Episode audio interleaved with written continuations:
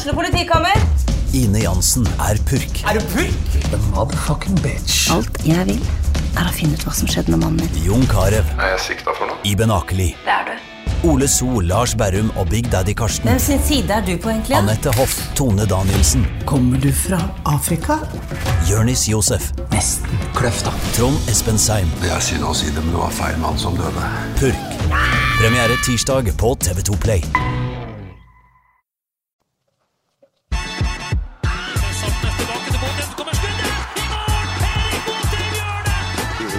More difficult for us than for Bodo boys.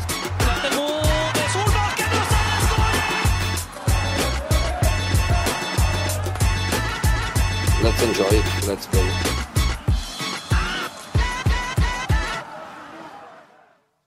Ja, Hjertelig velkommen til Studio Glimt-podden etter en uh, historisk, en ny historisk kveld i Europa, får vi si. PSV Eindhoven Bodø-Glimt på Philips eh, stadion endte altså 1-1. Albert Grønbæk har virkelig markert seg i Europa.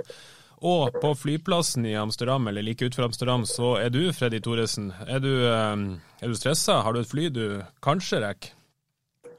Ja, Flyet rekker. Stressa er jeg ikke. Vi har vært stressa. Et av de store samtaleemnene Markus, er jo eh, Det var en del Glimt-supportere som var i Eindhoven i går. og et ja, bra pressekorps fra, fra Norge som fulgte Bodø-Glimts historiske kamp. og vi følger jo litt med på det som skjer. og det, selvfølgelig Denne fredagen så går det ingen tog. Det er togstreik. det er Busser går ikke, så det var jo en del som hadde reiseruta klar fra Eindhoven til Schiphol.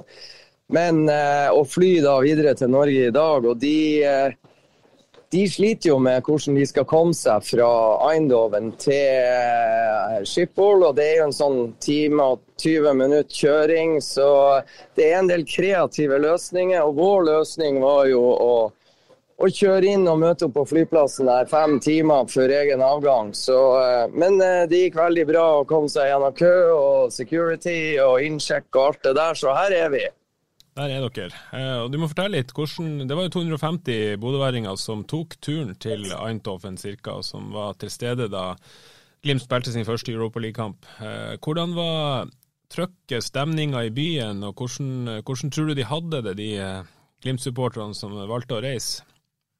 Nei, de eh, Jeg var jo så heldig å treffe mange av de. Vi var jo innom eh, kamera og, og prata med de før kamp. Det var topp stemning, de kosa seg. De var litt, litt færre da enn eh, de som var i Alkmaar og så Glimt mot Aset. Men de var jo tilbake i Nederland da, og de var som jeg sier, litt færre, 250 stykker. Men de kosa seg, stemninga var god. Og ja, så det, og politiet også sto eh, og lot de eh, sitte og kose seg med sine leskedrikker. Og, eh, så det var god stemning.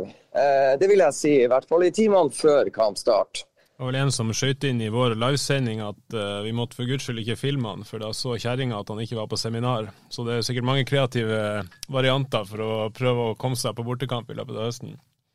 Ja, helt klart. Og det er jo mange, mange som vi har truffet før i Ukraina og i Alkmaar og i Roma. Og de er på tur, de er stolt over klubben sin, de er stolt over at de har vært kreative og kommet seg av gårde. og ja, De har det steike artig, og det, det, er utrolig flott stemning. og, og Altså det er litt, litt, sånn, Av og til så er det litt irriterende at eh, man bare må forlate åstedet og begynne å jobbe, istedenfor kanskje å sette seg ned og slippe alt har i hendene og bare være med på festen. Men sånn er det. Det er god stemning og, og, og mye moro. Det er veldig artig å være observerdig. Det er mye flotte folk, det må jeg si. Ja, det er blitt en, en liten sånn ja, en, en, ganske stor gjeng, og det blir litt bortesupporterkultur på, på Glimt, og det er jo veldig artig.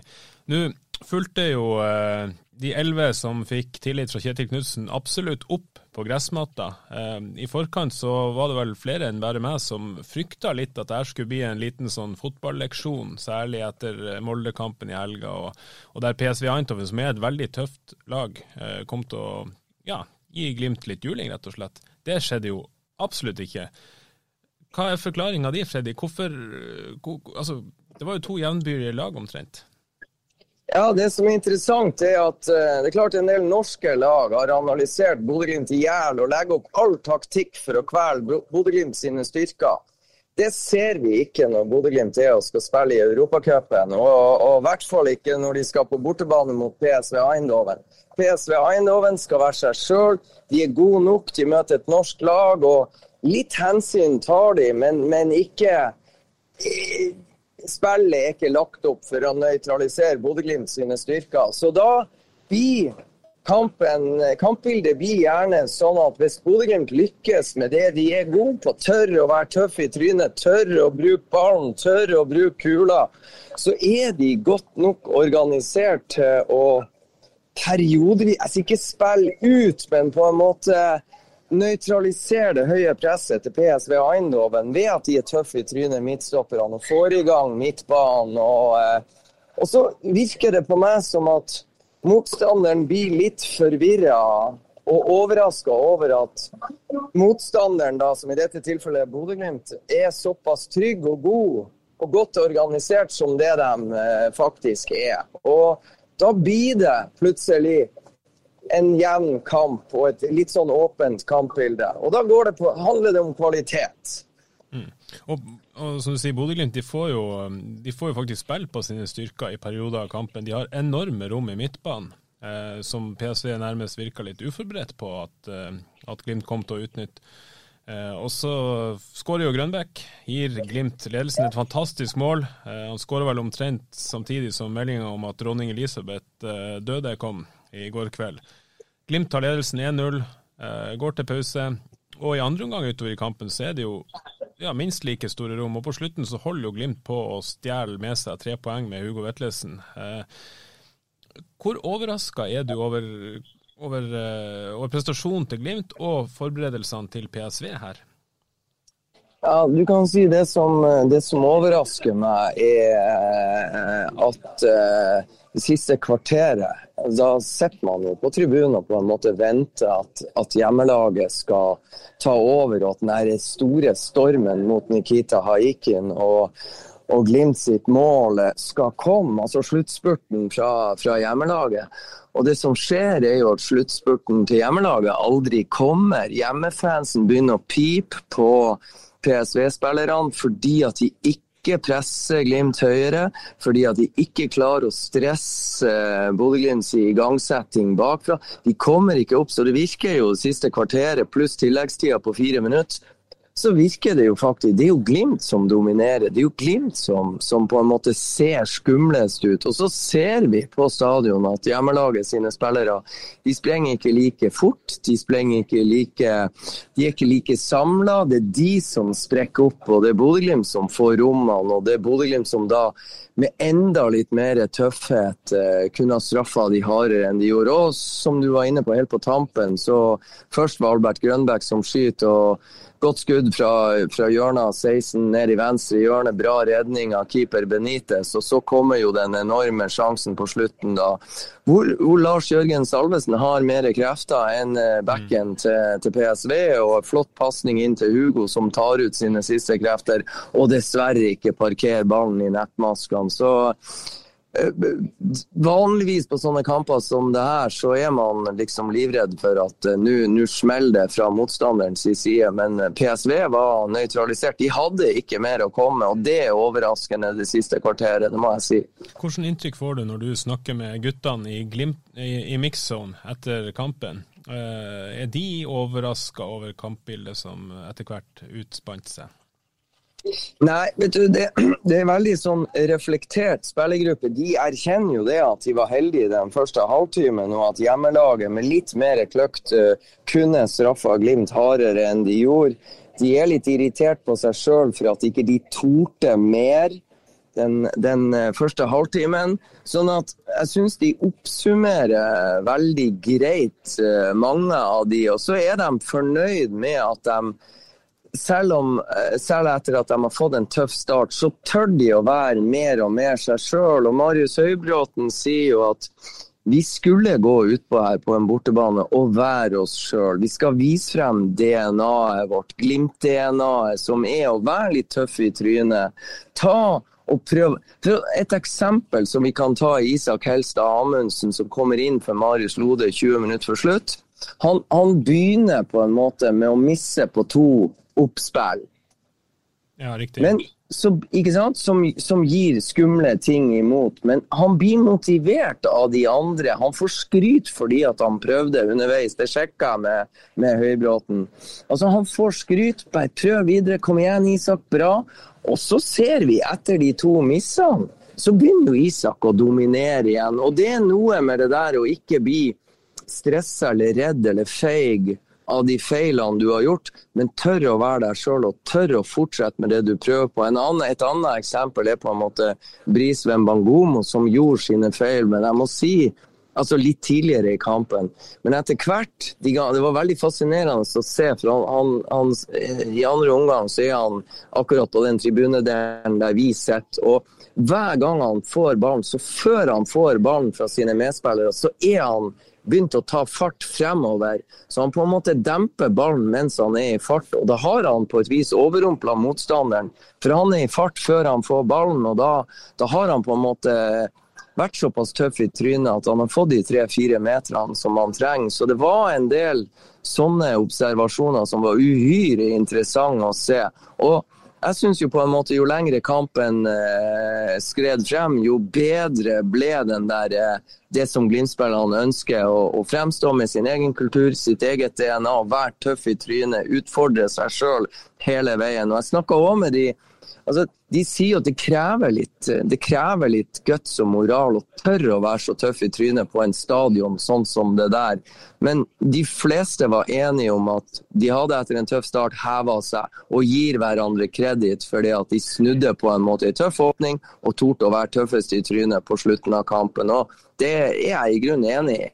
Og Så kommer de jo fra 1-4 mot Molde, og det er jo også en forutsetning sant, som ligger til grunn, eh, som kanskje setter eh, prestasjonen i går i, i, eh, i et, eh, et, enda bedre lys da, for Bodø-Glimt sin del. Det, det, krever jo litt å Etter e, e, ja, egentlig har blitt eh, satt litt på plass, i, eh, i, hvert fall i begge boksene av Molde, så, så, så gjør ikke det at man liksom endre på måten man ønsker å fremstå på, endre på plan. Man, eh, man, tør likevel å gå ut og gjøre det som man, man er enig om at dette er Glimt-metoden.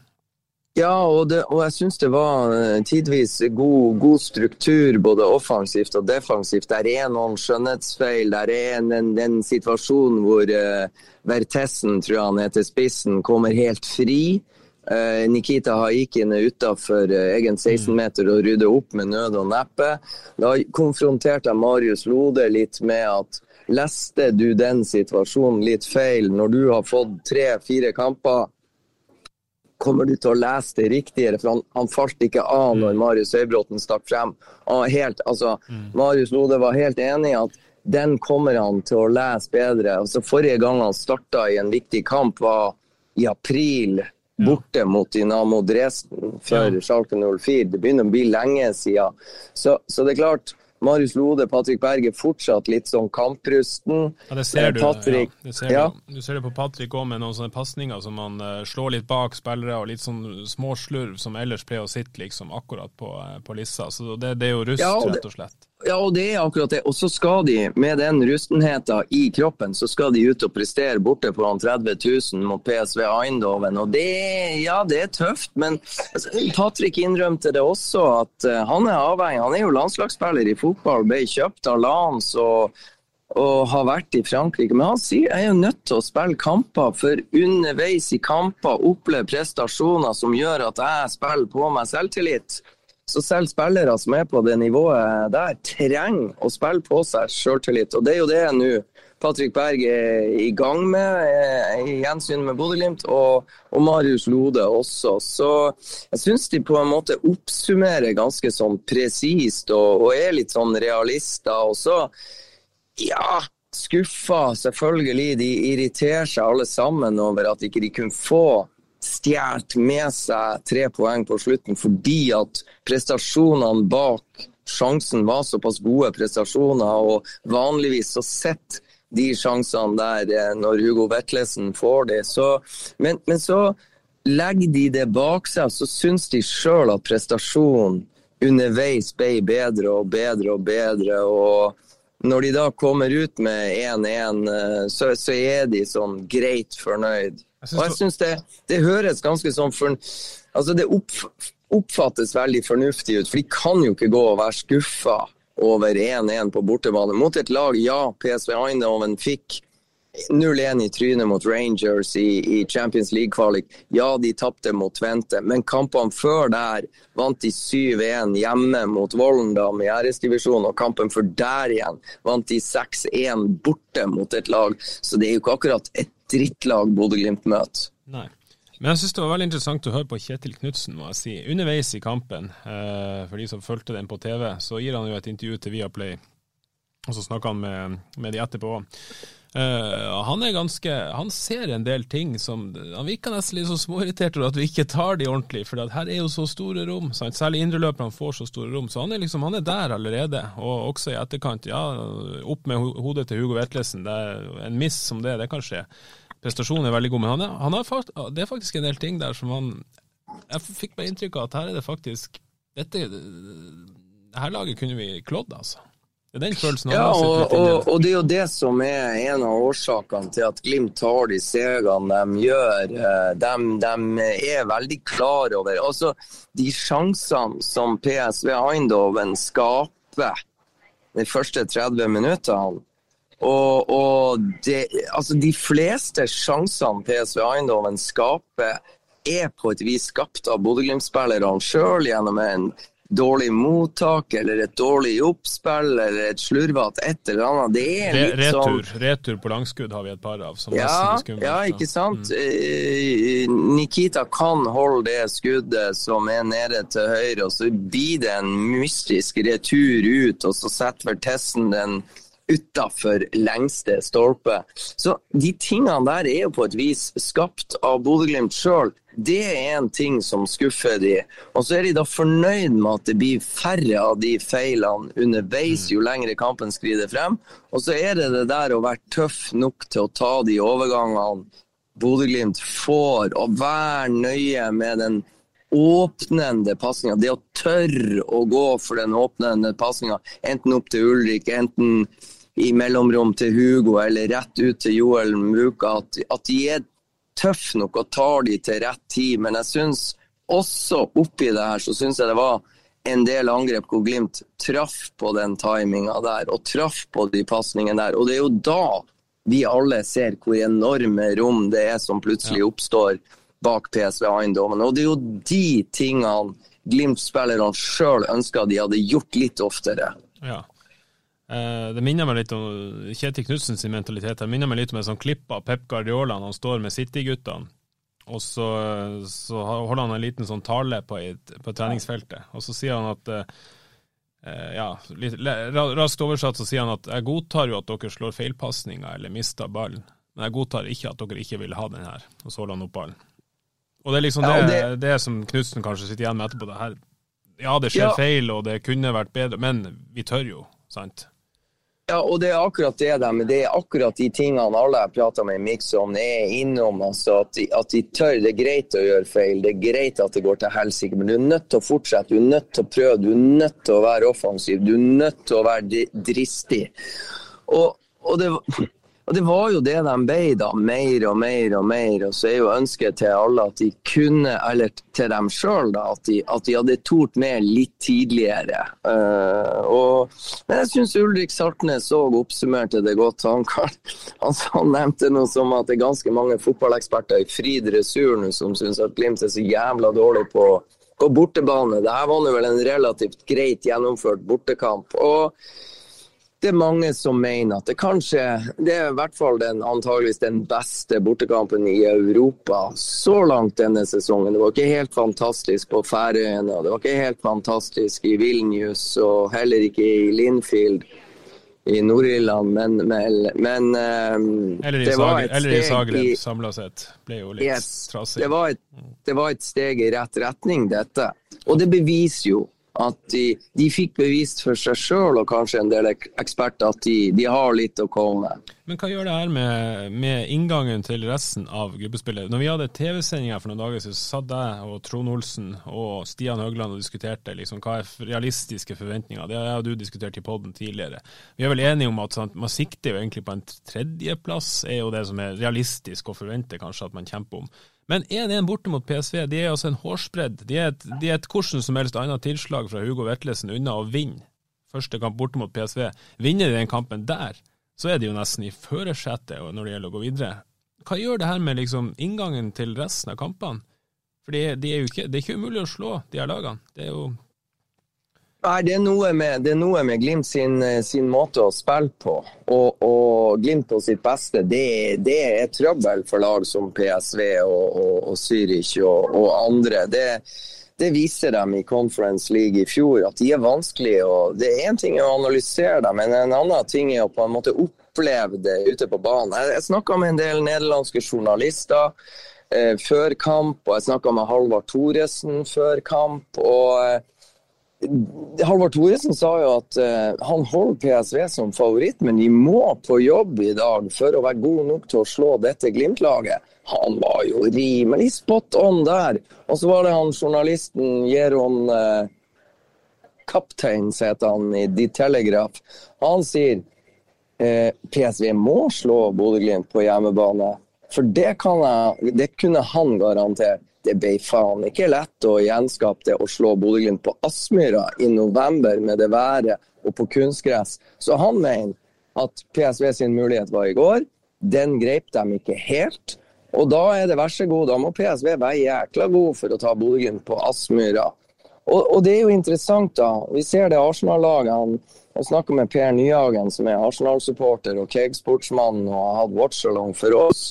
Og Han var jo rimelig presis. Han er Arsenal-supporter og forventa ikke at Arsenal skulle stille i Europa League med toppa lag til enhver tid, nå når de er så godtgående i Premier League. Og Det var jo ikke førsterekka til Arsenal som slo Zürich 2-1 borte i går. Snarere tvert imot. Så at og på kunstgress i eh, Bodø så stiller jo ikke Arsenal med, med de elleve sterkeste kortene de har. Det blir jo ikke å skje. Mest sannsynlig ikke. Og da er det interessant hvor, hvor gode er de nest beste til Arsenal sammenlignet med de nest beste til Roma når de kommer til Bodø. Så det, det kan godt hende at altså Bodø-Glimt har i hvert fall spilt på seg sjøltillit sjøl. De har smakt på PSV Eindhoven. Hvor gode er de? Og det så vi. Det er en del veldig gode spillere der. En del Absolutt. veldig gode individualister. Sangaré på midtbanen og. Cody Gapko og, og Simons og, og, i det hele tatt Savia. Så, så, det er en del veldig gode fotballspillere, men Glimt sin styrke er jo kollektivet. ikke sant? Og det, det var òg en del som pekte på det, at kollektivt så er ikke PSV like god og sterk som det Glimt er. og jeg synes mange hadde rett i sine spådommer i forkant. og Det var veldig interessant det vi fikk se. Og som jeg sier, det jeg syns var mest interessant, det var hvem var det som hadde eh, krutt å komme i siste kvarteret. Det var i hvert fall ikke hjemmelaget. Bodø-Glimt må jo kaste inn Albert Grønbæk i en litt uvant venstrekantrolle, eh, som de også måtte gjøre det mot Molde. Grønbæk leverer jo en, eh, en kunstskåring, får vi si, eh, og ser jo ellers veldig farlig ut på kontra. Ellers, angrepsmessig, så er det kanskje der det skorta litt, i hvert fall i går mot PSV. Det er kanskje der det skorter litt mot Molde, i tillegg til forsvarsspillet. da. Men, men er Bodø-Glimt skarp nok framme når de mangler eh, Amal Pellegrin? Har, altså, har de nok spillere som har evnen til å avgjøre, slå sistepasninga, sette sisteskåringa? Både og. Det er ikke godt nok per nå, men jeg syns det er fremskritt eh, fra Molde på Aspmyra. Eh, og så, og så, er det det Runar Espejord fikk seg jo en, en eller annen albue i ryggen etter fire minutter og var egentlig det ble stivere og stivere og fikk mer og mer trøbbel. Det var på en måte årsaken til at han måtte forlate banen på det tidspunktet han gjorde. Men, men eh, det jeg mener å se, er at uh, syns jo Albert Grønbæk på en måte skaper enda mer borte mot PSV enn han klarte på Aspmyra. Jeg syns Patrick Berg kommer gradvis, gjør mer og mer riktig. Så jeg tror jo det, som det som har gjort Bodø-Glimt så god, er jo at de har øva over tid på plan A, som Trond Olsen påpeker. Det er plan A, plan A, plan A. Det er relasjonelle ting de jobber med. Og nå borte mot PSV så er det jo tre endringer som vanligvis ikke skjer. Det er Marius Lode inn. Han spiller sin første kamp fra start siden eh, 1.4. Det er Patrick Berg i kamp nummer to. Og så er det Albert Grønbæk på venstre ving for andre gang. Så det jeg prøver å si, er at for hver kamp som går, og for hver, hvert minutt de får sammen, jo bedre vil det bli. Og jeg syns å se fremskritt fra måten kampen starta på, og måten kampen avslutta på. Og det håper jeg vi får se fortsette eh, på Alfheim eh, mot Tromsø på søndag. Men er du trygg på killerinstinktet? Eh, for å ta et eksempel. Espejord vinner ballen i andre omgang. Setter fart fremover. Det er to mot to, Grønbæk og Espejord. Du husker sikkert situasjonen. Joel Muka er tre meter bak. Ja. Det, det der, ja. Da, da, må alarmklokka gå, altså. Da er det killer. Det der er jo det er en tre mot to det, som, som, egentlig er Det er nesten en målsjanse hvis du starter. Er det, er det, er det, et jækla, det er et jækla godt eksempel. og Jeg skulle gjerne ha visst uh, Joel Mvuka var en av de som virkelig lurte seg unna pressekorpset i pressesona. Kanskje han er liten og, og det var mørkt der, så det var ingen som så at han smalt forbi. Men, men akkurat den situasjonen du peker på der, hvorfor ikke Joel Mbuka skrudde på turboen og kom på høyre der, det er for meg fortsatt ei gåte. Hadde han gjort det om han var sliten, om han ikke hadde mm. pust, om han hadde tatt et defensivt returløp eller to i forkant av den situasjonen, for det var en periode hvor det bølga, bølga, bølga. Så årsaken til at han ikke kom, jeg vet ikke. Men jeg tror de ser det på video. Og Jeg tror det kommer til å bli spørsmål om det internt. Og jeg tror neste gang så tror jeg han gjør som Hugo Vetlesen gjorde etter 93 minutter. Da tar han det løpet, og så får det gå som det går. Mm. Men, ehm, men, men, spørsmålet mitt, da. Når du ser f.eks. Molde, som har i første rekke med Wolf Eikrem for Fana. Begge de to er relativt giftige herremenn. og Wolf Eikrem får sjansen til å slå den avgjørende pasninga, så sitter han jo på Aspmyra. Eh, til Kåsa i første gang, f.eks. Glimt er i ganske mange lignende situasjoner mot PSV. Personlig så savner jeg litt den der bestemtheten, besluttsomheten, kvaliteten i siste tredel. Jeg syns kanskje det er det Glimt har mest å gå på. Ja, men du har helt rett. Men Bodø-Glimt har ikke Magnus Wolff Eikrem. Magnus Wolff Eikrem er antageligvis den beste i serien til å på en måte gjøre det når de situasjonene der oppstår. Det å på en måte få kontroll over ballen på den tida han skal, det å vurdere, se og vurdere løpene som kommer, og det å utføre opp den optimale pasninga på det optimale tidspunktet til den riktige nedspilleren de kvalitetene er det etter min vurdering ingen i Glimt som har per nå like bra som Magnus Wolff Eikrem. Og det kan være en forklaring. Og det må Glimt. Glimt-spillerne må bli bedre på det, og jeg tror de jobber med det. Hvem som har de der, de der eh, egenskapene til å stikke seg frem. Hugo Vetlesen har det mm. på sitt beste de gangene han kan gjøre valg med pasninger. Og så må på en måte Ulrik bli enda bedre. Og så er det noe med med Amahl Pellegrino på banen, så, så, er det mange som nå begynner å vite at hvis jeg slipper i det tidspunktet der, så kommer Amahl. Men nå er det det at det er en danske som er der, og han er ikke akkurat hakker det samme mønsteret som Amahl har. Så eh, og så Joel Vuka er jo en annen ting. Han er 19 år og har mm. tatt enorme steg fra treningsleiren i Danmark. Med unge spillere så er det litt sånn av og på. Plutselig mister de hodet. Men det handler jo bare om å fortsette, fortsette, mm. fortsette. Ta steg, ta steg. Les situasjonene riktig. Og så det handler det jo om at han oftere skal ta det riktige valget til riktig tid. Og det er jo sånn det er å være ung og dum. Det kommer og det blir gradvis bedre og bedre. Så får vi se om det, om det, blir raskt nok bedre til at Glimt tar seg videre. De er i alle fall i diskusjon etter 1-1 i PSV, og det var kanskje mer enn mange hadde trodd. Uh, ja, du, og For å ta det, Martin. Det er klart det. Nå kommer Zürich, et, et, et, lag som sliter i den hjemlige serien, som åpner med tap 2-1 hjemme. jeg, hør, jeg hørte at uh, rapporter at, at Zürich i perioder var ganske god i den kampen. Har en skummel høyreving og har en rask Okita.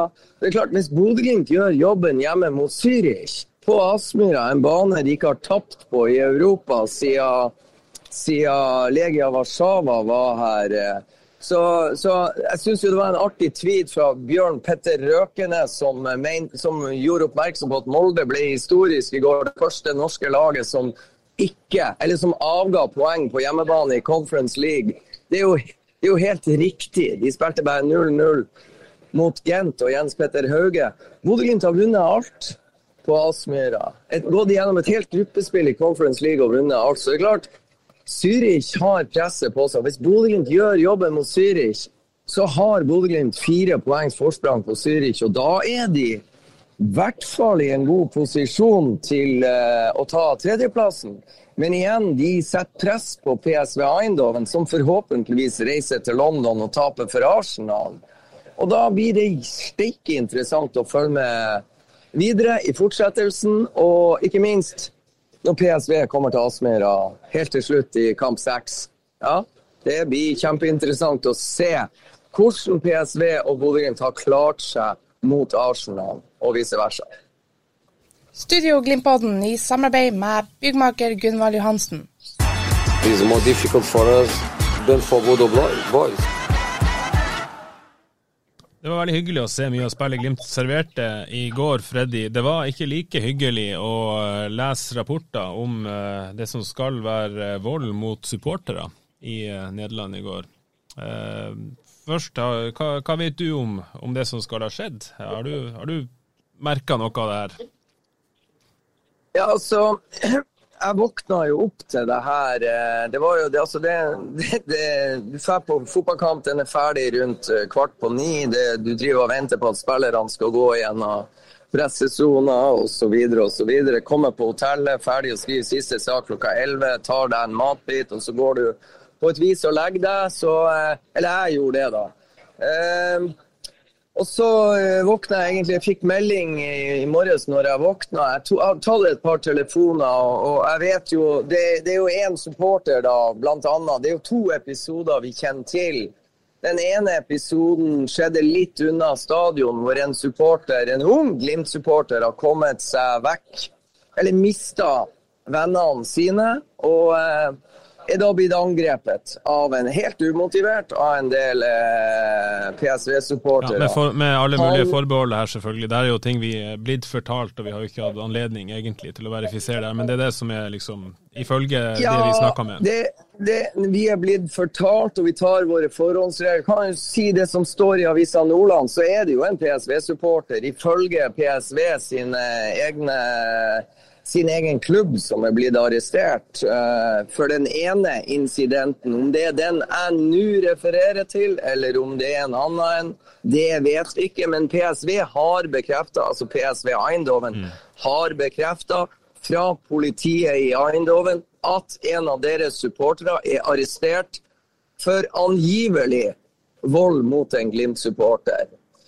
Uh, den incidenten jeg forteller om, det er jo da en, en, som har kommet seg bort og hevder at han er blitt angrepet.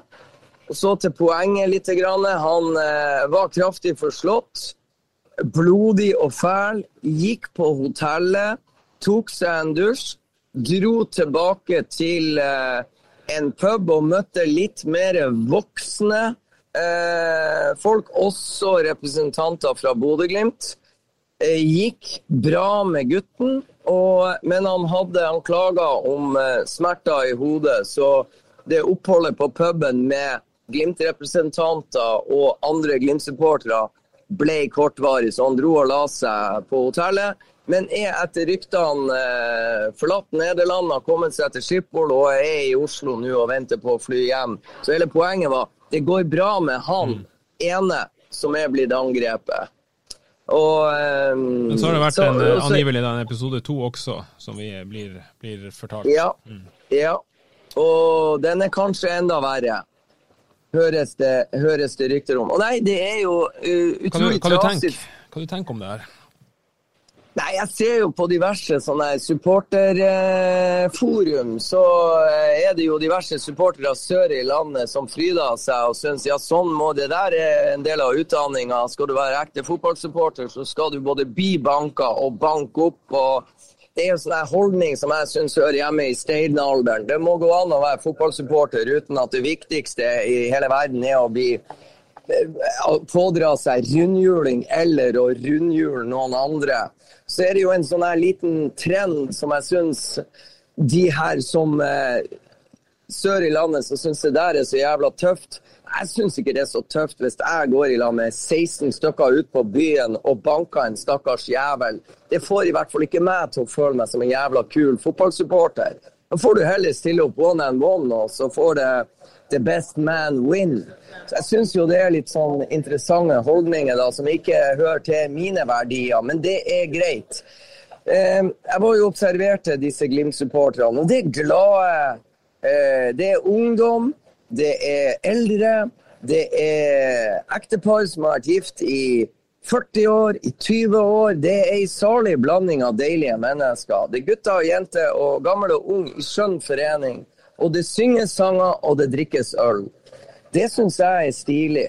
Jeg syns det er steike artig å se, og de har det veldig, veldig trivelig.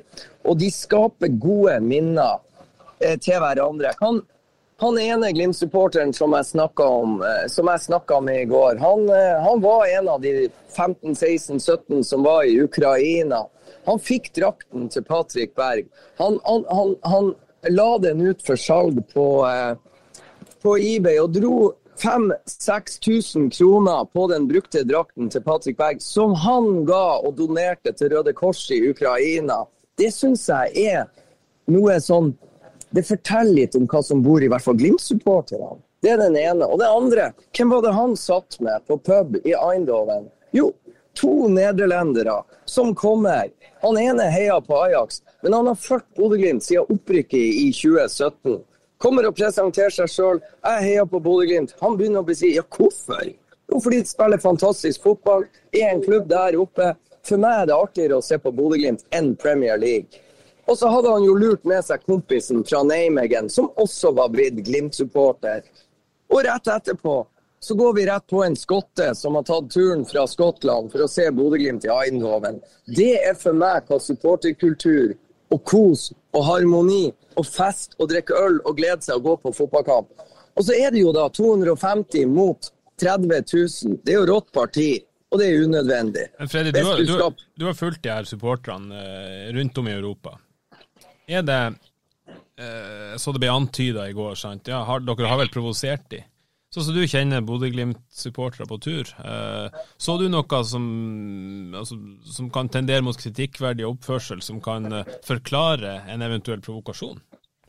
Du kan si det jeg så i går, er jo selvfølgelig Det sitter vi skal si, kanskje er de 150-160 stykker på en pub i ei trang gate, i et smug, i Eindhoven.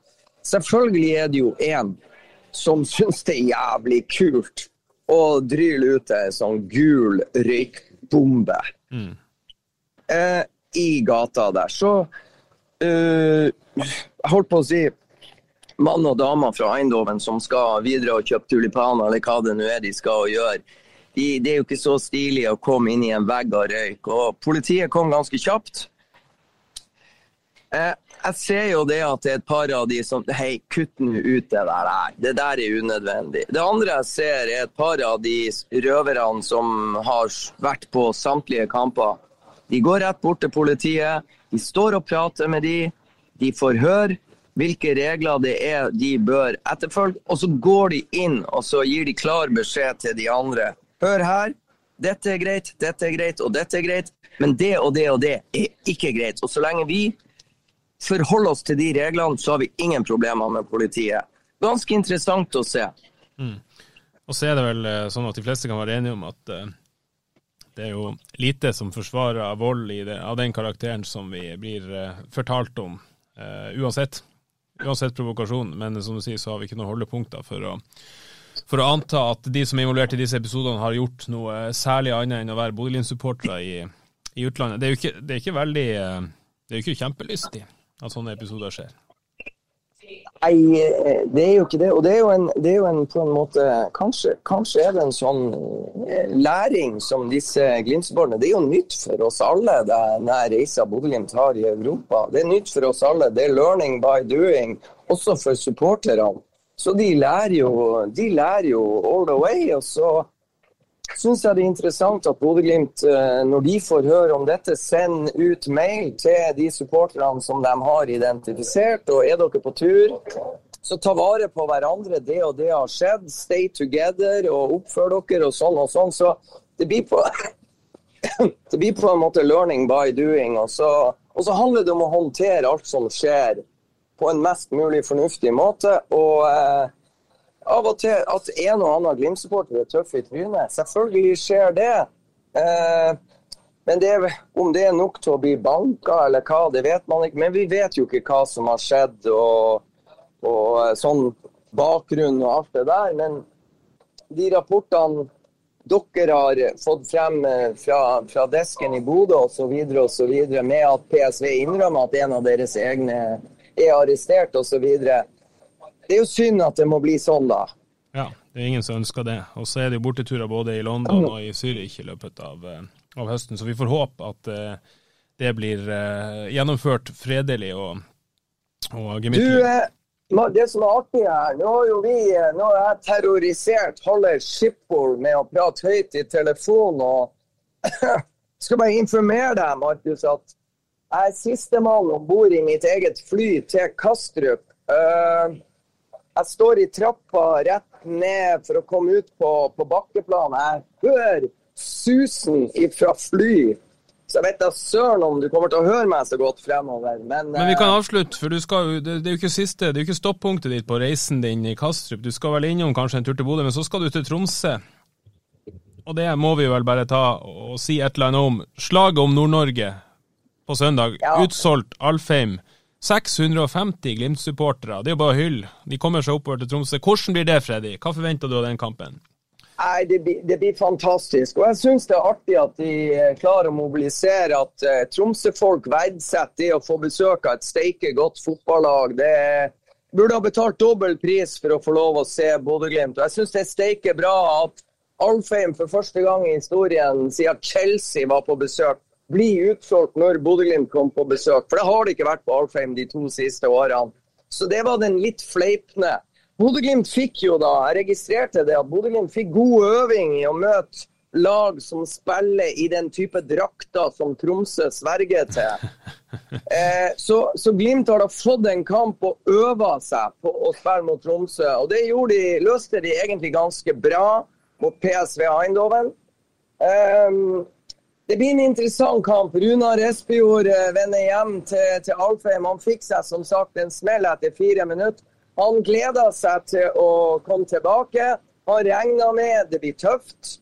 Uh, men jeg tror det er et Glimt-lag som kommer til å være godt forberedt på et hjemmelag som mest sannsynlig kommer til å være røff og tøff i trynet mot Bodø-Glimt.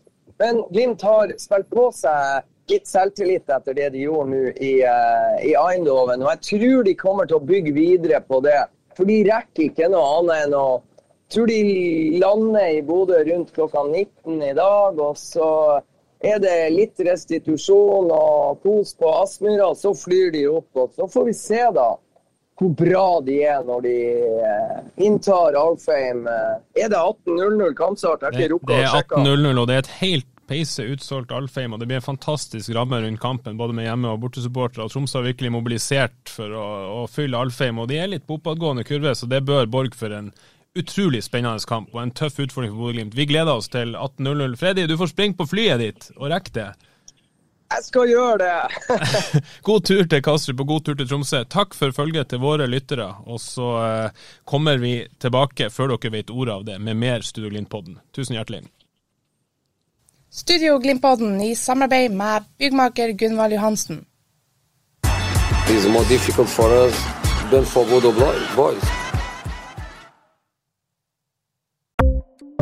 Ukens annonsør er Hello Fresh. Hello Fresh er verdens ledende matkasseleverandør og kan være redningen i en travel hverdag. Mange av oss har nok vandret i butikken både sultne og uten en plan for middagen, som ender med at vi går for de samme kjedelige rettene gang på gang. Middag burde være dagens høydepunkt. Som Hello Fresh kan du nå velge mellom 25 ulike retter hver eneste uke, eller få Hello Fresh til å sette sammen menyen for deg. Dette gir deg muligheten til å prøve nye og spennende retter alene eller sammen med familien. Du velger antall porsjoner og får alt levert på døren på et tidspunkt som passer for deg. Oppskriftene er enkle, og maten er lett å lage både for store og for små. Ved å få alt levert hjem får du også mer tid til å dele matgleden med familie og venner. Kanskje det frister med asiatiske tacos eller greskinspirert kylling? Da kan jeg anbefale deg å gå inn på hellofresh.no. Her kan du bruke koden FOTBALL og få opptil 1779 kroner i rabatt på de første fem matkastene hvis du ikke har prøvd Hello Fresh tidligere. Du kan også bruke rabatten hvis du har vært kunde og stoppet abonnementet ditt for tolv måneder siden eller lengre. Gå inn på hellofresh.no og bruk koden FOTBALL. Har du et enkeltpersonforetak eller en liten bedrift? Da er du sikkert lei av å høre meg snakke om hvor enkelt det er med kvitteringer og bilag i fiken, så vi eh, gir oss her, vi. Fordi vi liker enkelt. Fiken superenkelt regnskap.